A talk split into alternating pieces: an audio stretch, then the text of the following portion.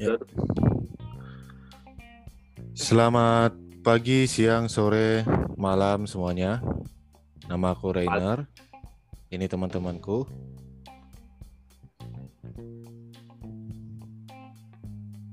Halo, saya Ivan, temannya Rainer. Halo, saya Trestantara. Saya Agi. Ya. Pada podcast kali ini kita akan membahas tentang alasan mengapa generasi Z ini sangat peduli dengan lingkungan ya. Nih, poin yang pertama kita langsung saja bahas. Poin yang pertama itu karena perubahan iklim ya. Generasi Z dan generasi setelah generasi Z kita ini akan mengandung apa menanggung beban perubahan iklim yang disebabkan oleh generasi-generasi sebelumnya ya. Jadi mau tidak mau kita harus menjaga lingkungan gitu. Menurut Ivan bagaimana ini? Apakah benar atau tidak? Ya, mungkin benar ya, soalnya soalnya pada tahun sebelum 2100 kekeringan dan gelombang panas yang ekstrim akan diproyeksikan terjadi setiap dua minggu sampai dua sampai tiga tahun. Saat ini kejadian semacam ini terjadi setiap 20 tahun sekali. Generasi Z ini atau generasi kita akan hidup untuk mengalami efek negatif dari perubahan iklim ini. Dari kenyataan ini, masuk akal generasi Z akan peduli dalam mengatasi perubahan iklim untuk menghadiri kemungkinan dampak bencana dari planet yang sedang memanas ini. Ya benar juga ya. Untuk poin pertama dari perubahan iklim, jadi buat kalian yang masih malas-malas itu hanya Allah buat apa sih?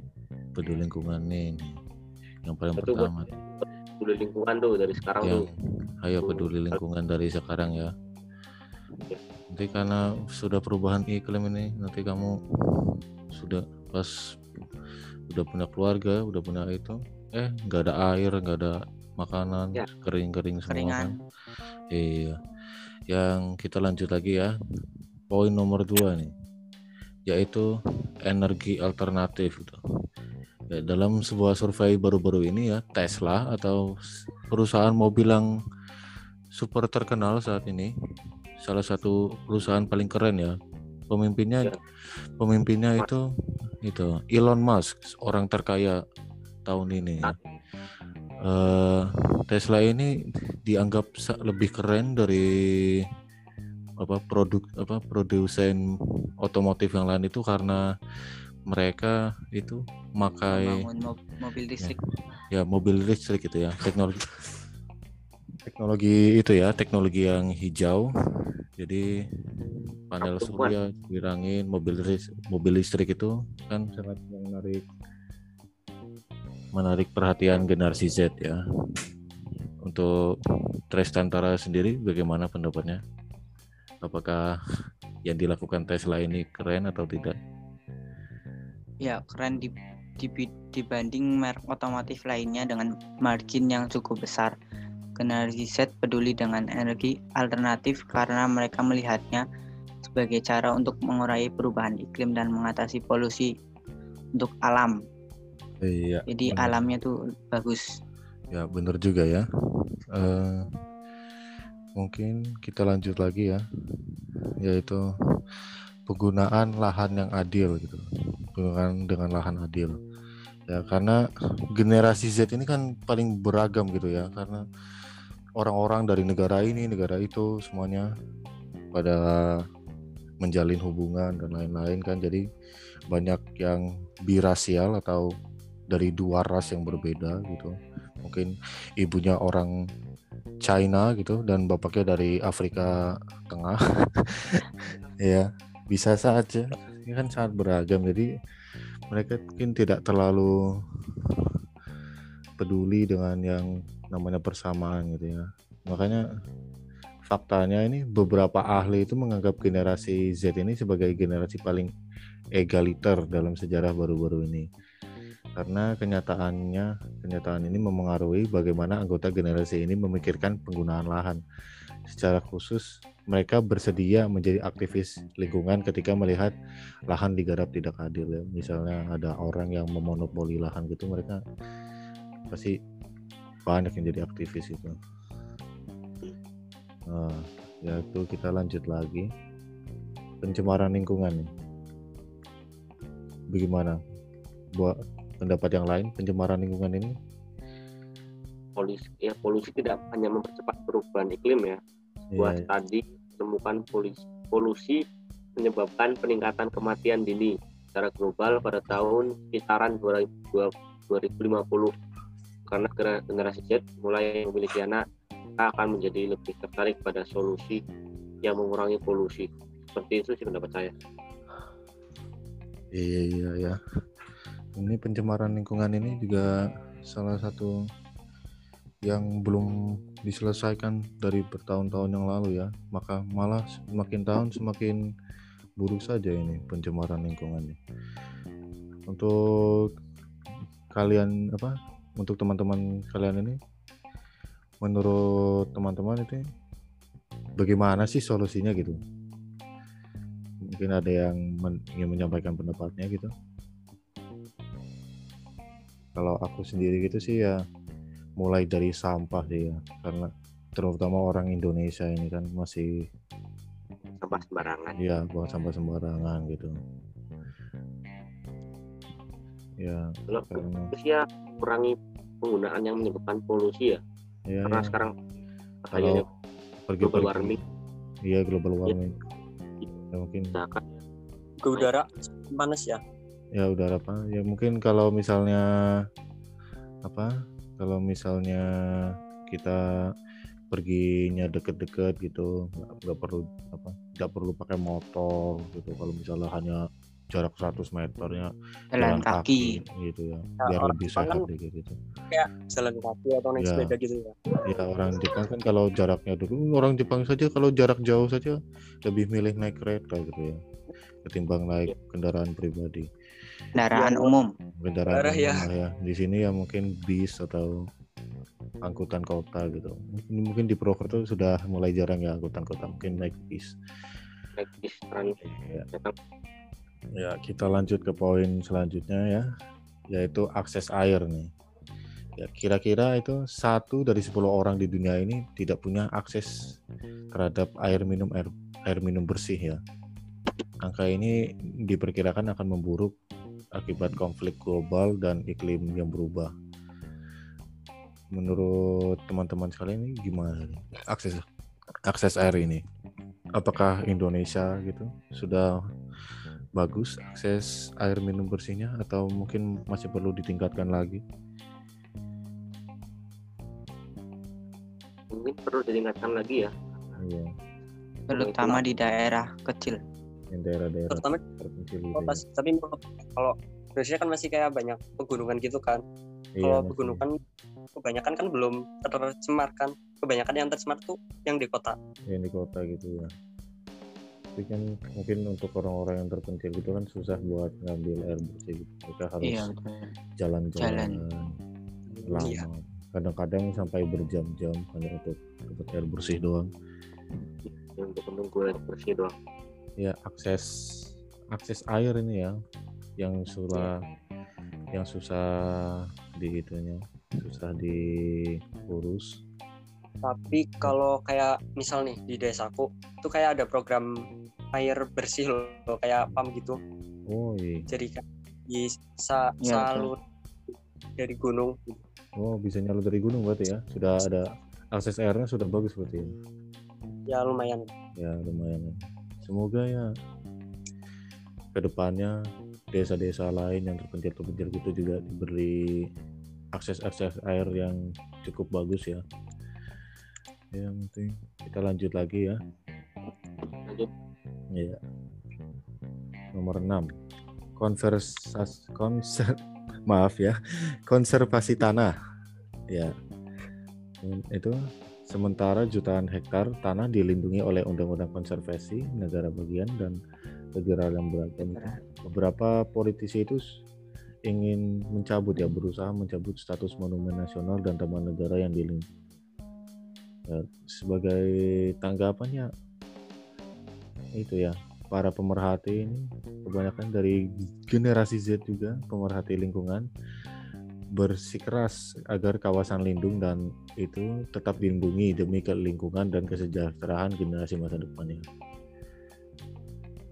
Ya, Eh, karena kekhawatiran generasi Z tentang perlindungan lingkungan, mereka akan menjadi lebih vokal tentang konser konservasi lahan karena isu tersebut mendapat perhatian media iya. maupun media lokal dan internasional. ya maupun ya media lokal dan internasional sama semua ya konservasi lahan ini. Karena banyak juga ini orang-orang yang serakah gitu ya ingin mencabut mencabut Penebang pohon lebih tepatnya. nama tebang dan mencabut-cabut lahan-lahan yang dilindungi tanah-tanah yang dilindungi demi keuntungan pribadi. Nah, yang ketujuh hak hewan ya. Ya, sebuah peneli- penelitian menemukan kalau generasi Z ini benar-benar mempraktikkan vegetarisme ya banyak dari kita yang mungkin apa banyak mungkin di Indonesia belum terlalu banyak ya tapi kalau di dunia internasional itu gaya hidup vegetarian itu sudah banyak banget yang mempraktikannya Iya. Dan menurut Ivan sendiri gaya hidup vegetarian di Indonesia itu gimana itu apakah perlu di, perlu dilakukan lagi oleh banyak Perlu. orang atau mungkin sudah Karena kan kita tuh butuh sayuran ya, lebih banyak sayuran agar lebih fit, sehat lebih sehat sehat. untuk untuk lingkungan juga itu ya jadi kita nggak terlalu apa banyak makan daging dan Karena kita lebih sering Bah, makan stok ya stok stok daging stok ternak dan lain-lain juga bisa Banyak. dilestarikan. Terutama karena ah, peternakan-peternakan yang besar ini yang untuk ah, daging-daging ayam dan daging-daging sapi peternakan besar ini cukup bikin polusi ternyata ya. Dari kenyataannya itu mereka itu banyak. Ya. Polusi udara. Dan salah ini ya salah sa- ini salah satu penyebab salah satu penyebab utama global warming ini karena peternakan-peternakan ini ya. Dan mereka ini memang menjadi seperti ini bukan karena keinginan mereka sendiri tapi karena kita yang memang butuh yang butuh daging yang banyak akhirnya pengurusan tempatnya mungkin kurang itu ya Ya. karena harus di biayanya harus harus di hemat, ya harus biayanya tidak sedikit ya untuk menjalankan peternakan. Jadi mereka berhemat-hemat akhirnya polusi dan lain-lain. Uh, banyak banget. banyak banget banyak iya banyak. Banyak itulah ya. Anda tahu sendiri yang kami bicarakan. Eh nomor 8 daur ulang. Eh, teman-teman sendiri ini menurut kalian ini daur ulang itu praktikumnya sudah baik belum ya di Indonesia? Kalau menurut saya Ivan Iya. ulang kurang kurang ya. Karena ini ada beberapa belum saya lihat di Instagram nih ada yang bukan daur ulang malah dipakai ulang. Dipakai ulang ya? Pakai ulang nih sudah Iya. dan praktiknya secara teratur maksudnya belum teratur karena yang belum teratur ya merupakan komponen penting dalam pelestarian lingkungan dan pengurangan polusi Mm-mm. Jadi dari dua alasan ini ya, daur ulang itu merupakan komponen penting dalam pelestarian lingkungan dan pengurangan polusi ya. ya Iya. betul Ya, kedua itu ya mengantisipasi asa eh, masa depan masa depan kita itu ya agak akan memilih karena konsumen apa konsumen konsumen konsumen konsumen di masa depan itu nanti akan memiliki kemampuan lebih besar untuk menyesuaikan barang yang ditawarkan kepada mereka gitu. Ya, nomor 9 nih penem- penemuan lingkungan mungkin ini istilah yang masih itu ya masih kurang Wah. kurang kurang kenal. Kurang kita kenal itu penemuan lingkungan ah, apa sih itu penemuan lingkungan ya? Eh, ST ST STEM ya STEM yang merupakan singkatan dari sains teknologi teknik dan matematika. Yaitu udah populer banget ya karena di kalangan Z itu. Ke ya sebuah penelitian juga menemukan nggak apa nggak kayak generasi sebelumnya gitu. Generasi Z itu yang paling tertarik sama yang namanya STEM gitu nah dengan kenyataan ini itu generasi Z itu sangat tertarik akan penemuan lingkungan apa itu penemuan lingkungan menurut teman-teman sendiri yang ada di podcast ini bersama dengan saya apa sih penemuan lingkungan itu Penemuan lingkungan. Iya, penemuan lingkungan. Apakah kita menemukan sebuah lingkungan? Bukan gitu konsepnya Pak. Bukan gitu konsepnya ya. Penemuan lingkungan apa sih sebenarnya? Eh, penemuan lingkungan itu maksudnya gimana nih maksudnya gimana nih ya? Aku sendiri juga bingung loh. Apa sih penemuan lingkungan? Iya, coba kita buka Google. ya. Iya. penemuan wah ini dia. Penemuan lingkungan. Itu inovasi-inovasi teknologi yang ramah lingkungan. Salah satunya dengan Salah cara menciptakan macam teknologi ramah lingkungan demi mencegah kerusakan terjadi. Eh, salah satu contohnya mungkin yang paling kita sering temui itu mungkin solar panel ya. Mungkin kalau di kota-kota mungkin sering banget nemu itu. Tuh. Di atas rumah dan lain-lain itu sudah ada solar panel dan mungkin pembangkit-pembangkit tenaga lampu jalan ya lampu jalan yang itu yang sudah pakai solar panel itu kan sudah Apa? banyak nah kita lanjut aja deh awal dari penemuan lingkungan dapat membahayakan lingkungan sekitar masyarakat. Contohnya hampir ditemukan. Dampaknya orang bisa kecanduan. Seperti itu. Oh iya. Eh mungkin kita lanjut lagi ya. Eh, nomor 10 nih. Sudah sudah poin ke 10 ternyata ya? Cepat sekali ya? Eh, aktivis lingkungan gitu. Menurut studi baru-baru ini ya, 37% generasi Z itu sudah mengajukan diri secara sukarela.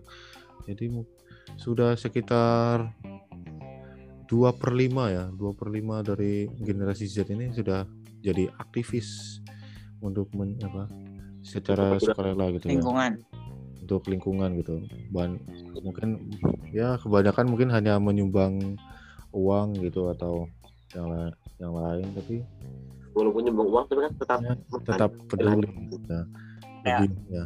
Lebih jauh lagi ini 26% dari generasi Z ini telah memboikot perusahaan yang mendukung isu-isu bertentangan dengan kepentingan mereka sendiri gitu. Jadi perusahaan-perusahaan yang merusak lingkungan demi kepentingan mereka sendiri sudah banyak yang diboikot oleh generasi Z ini ya. Memang, memang tidak bertanggung jawab sekali ya perusahaan-perusahaan ini. Iya. Ya, Ya, dengan dengan- iya dengan generasi ada Z jelas bersedia terlibat dalam aktivitas lingkungan untuk mendukung penyebab yang me- mereka pedulikan ternyata. Iya, benar sekali, benar sekali. Karena Ternyata tren ini Peduli, peduli tentang lingkungan. ya generasi ini memang sangat peduli ya. Ya, karena kita harus menanggung beban-beban dari generasi-generasi sebelumnya yang Hmm, suka ya. perang, yang suka hak lain-lain dan zaman zaman-zaman dulu ya. Bekas-bekas senjata atom dan lain-lain. Kita yang harus nanggung. Ya, ini nih 11 nih. Apa? Yang berkaitan dengan perang juga nih. Proliferasi nuklir gitu. nuklir Iya. Dengan perkembangan terkait eh, terakhir terkait dengan proliferasi nuklir, kemungkinan generasi Z akan tumbuh peduli dengan masalah ini di kemudian hari. hari ya.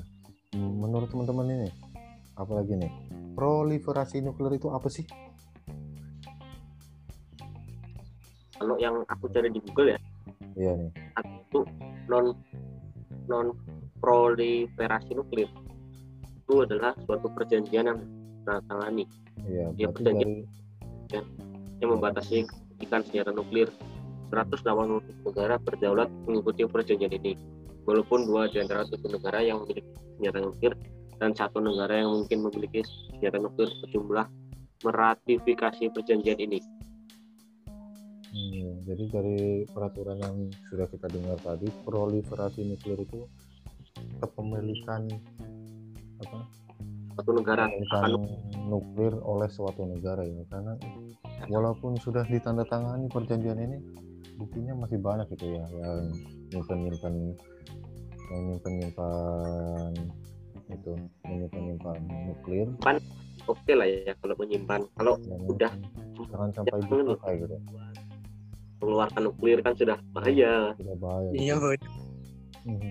disimpan saja sudah bahaya disimpan saja gitu bisa menyebabkan lagi. Kalau disalahgunain ya. ya kalau Ya, apalagi betul. kalau gunakan itu sudah nanti Iya. aduh aduh mungkin itu saja ya yang kita bahas di podcast kali ini apakah ada kata-kata satu dua kata yang ingin disampaikan dari teman-teman sendiri terima kasih sudah mengundang- mengundang saya Reina ya kan sudah diundang karena kita sudah sepakat Iya. iya Hmm. Nah, mungkin tidak ada lagi yang saya tutup dengan kata penutup. Terima kasih telah mendengarkan. Sampai jumpa lagi. Kalau misalnya ada lagi. Kalau tidak ada lagi, berarti ini episode terakhir. Season 1, episode Iya. 1. Asing. pertama dan terakhir Terima kasih teman-teman telah mendengarkan. Sampai jumpa.